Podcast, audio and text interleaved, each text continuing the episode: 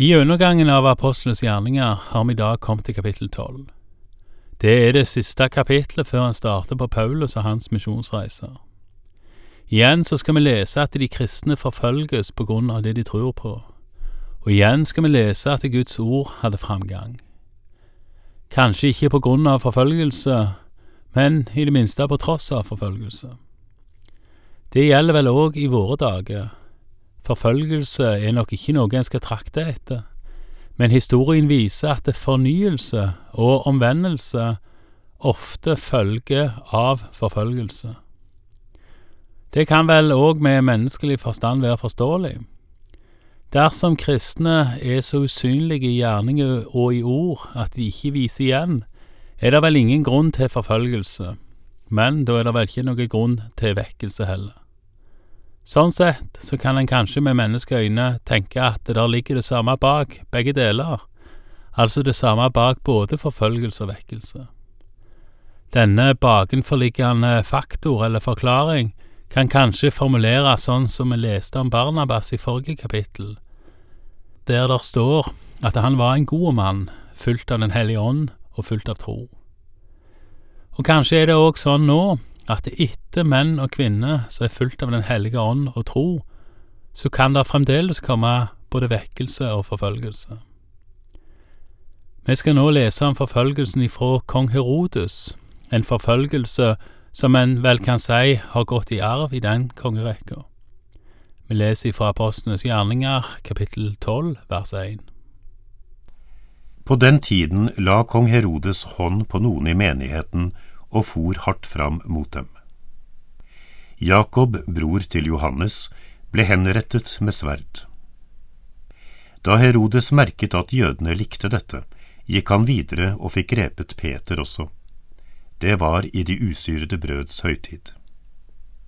Etter at han var tatt, ble han kastet i fengsel, hvor fire vaktskift, hvert på fire mann, ble satt til å holde vakt over ham. Så ville Herodes føre ham fram for folket etter påske.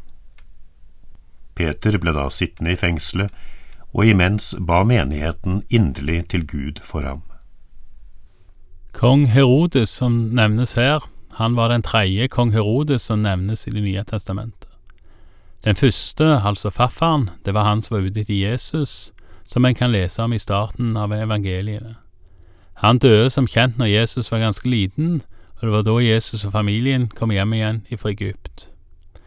Den andre kong Herodes, det var da sønnen hans, så langt jeg har forstått. Han er mest kjent for å ha fått hogd hodet av døperen Johannes. Da er en ca. 30 år seinere ifra den første. Han som vi nå har kommet til, var da brors sønn av nummer to, altså han som fikk Johannes drept, var hans onkel. Det står òg at eh, Jakob, bror til Johannes, ble henretta med sverd. Det var da altså den første av de tolv disiplene til Jesus som ble henretta på grunn av det han trodde på.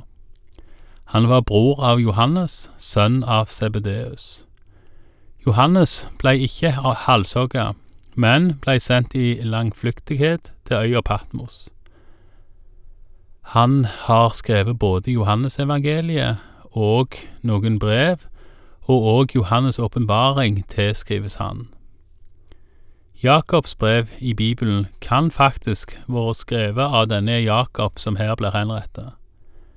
Uansett, Jakob blir den første martyr av de tolv. Vi leser videre hva som skjer med Peter. Natten før Herodes skulle føre ham fram, lå Peter og sov mellom to soldater. Han var bundet med to lenker, og fengselet ble bevoktet av vaktposter som sto utenfor døren. Med ett sto en engel fra Herren der, og et lys strålte i rommet. Han vekket Peter med et puff i siden og sa, Skynd deg, stå opp. Med det samme falt lenkene av hendene hans, og engelen sa til ham, Bind beltet om deg og ta på deg sandalene. Da han hadde gjort det, sa engelen, Få på deg kappen og følg etter meg og han fulgte etter ham ut. Men han forsto ikke at det som engelen gjorde var virkelig, han trodde det var et syn. De passerte første og annen vakt og kom til jernporten som førte ut til byen. Den åpnet seg av seg selv. De gikk ut og fortsatte nedover den første gaten. Der ble engelen plutselig borte for ham. Peter kom til seg selv igjen og sa, Nå vet jeg virkelig at Herren har sendt sin engel og fridd meg ut av Herodes hånd og fra alt det som jødefolket nå går og venter på. Igjen en historie som kanskje mange kjenner igjen fra søndagsskolen eller barnebibelen. Et skikkelig under der Peter blir fulgt ut av fengsel av en engel. Kanskje ikke like kjent som når Paulus og Silas ble frigjort, men likevel. Peter tror faktisk at han kun ser et syn, til han blir stående igjen alene på gata. I hva grad en tror på denne historien, eller om en tror det hele er oppspinn, det får være opp til den enkelte. Det kan være verdt å merke seg, igjen, hvordan forfatteren av apostlenes gjerninger på en måte fører bevis for det som beskrives. Det kommer i det videre. Men legg merke til at det flere mente det ikke kunne være Peter fordi de visste han var i fengsel. Etter mitt skjønn mer troverdig enn dersom ingen hadde fått med seg at han var i fengsel. Vi leser videre fra vers tolv. Da dette var blitt klart for ham, gikk han til huset hvor Maria bodde, mor til Johannes med tilnavnet Markus. Der var mange samlet i bønn. Han banket på ytterdøren og en tjenestejente som het Rode, kom for å lukke opp. Da hun kjente igjen Peters stemme, glemte hun av bare glede å åpne døren, men sprang inn og fortalte at Peter sto utenfor. Du er fra sans og samling, sa de til henne. Men da hun holdt på sitt, sa de, det må være engelen hans. Imens fortsatte Peter å banke. Da de åpnet og så ham, ble de ute av seg av undring. Han gjorde tegn med hånden at de skulle være stille, og fortalte hvordan Herren hadde ført ham ut av fengselet. Og han sa, Fortell dette til Jakob og brødrene. Så forlot han dem og dro til et annet sted. Peter går til Maria, mor til Johannes Markus. Johannes Markus kommer vi tilbake igjen til i slutten av dette kapitlet, da han drar med Paulus og Silas. Johannes Markus var i det minste utløsende årsak til at Paulus og Barnabas senere går hver til sitt før Paulus sin andre misjonsreise. Dette kommer vi tilbake igjen til i slutten av kapittel 15. Men Peter kommer seg inn i bønnemøtet hos Maria og får gitt beskjed om at resten av disiplene må få høre at han er ute av fengselet. Så dro Peter videre, sannsynligvis fordi han ennå ikke var trygg. Vi leser videre fra vers 18. Tidlig om morgenen ble det stort oppstyr blant soldatene. Hva hadde hendt med Peter? Herodes ettersøkte ham, og da han ikke ble funnet, forhørte han vaktpostene og befalte at de skulle føres bort og henrettes. Selv dro han fra Judea og ned til Cesarea for å være der. Herodes fant ikke Peter, og det kan være verdt å merke seg den tragiske setningen i vers 19 om at vaktpostene blir forhørt og drept fordi de ikke vet hvor Peter er. Det var òg noe som gjaldt når Jesus ble lagt i ei grav og romerske soldater ble satt til å passe.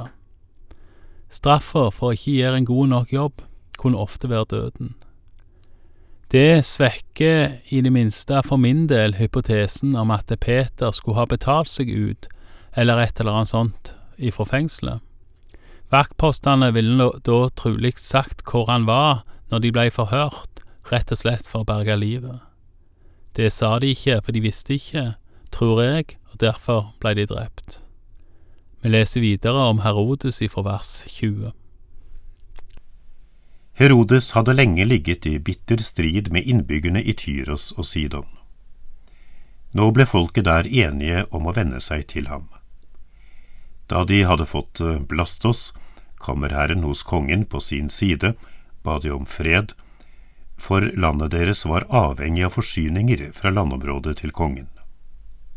På den fastsatte dagen tok Herodes på seg sitt kongelige skrud, satte seg på kongetribunen og talte til dem. Folket ropte da til ham, Her taler en gud, ikke et menneske.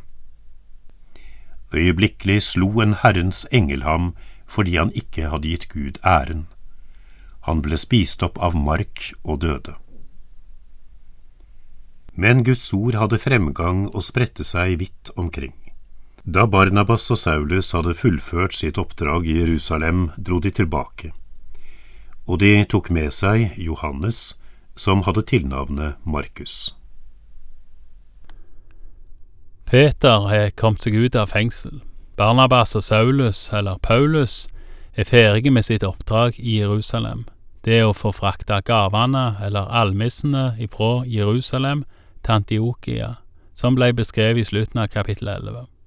Barnabas og Saulus er nå ferdige med dette prosjektet, og de tar med seg Johannes Markus. Parallelt med disse historiene om forfølgelse, fengsling og død, både blant kristne og her Herodes som forfulgte de, og parallelt med historiene om hva de kristne foretok seg, både apostlene, diakonene og Paulus med flere, Parallelt med alt dette går et av de viktige refrengene om igjen og om igjen gjennom apostlenes gjerninger.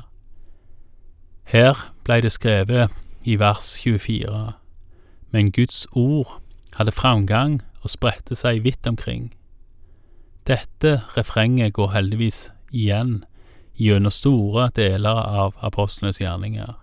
Guds ord hadde framgang, og det spredte seg vidt omkring. Takk for i dag, og Herren være med deg.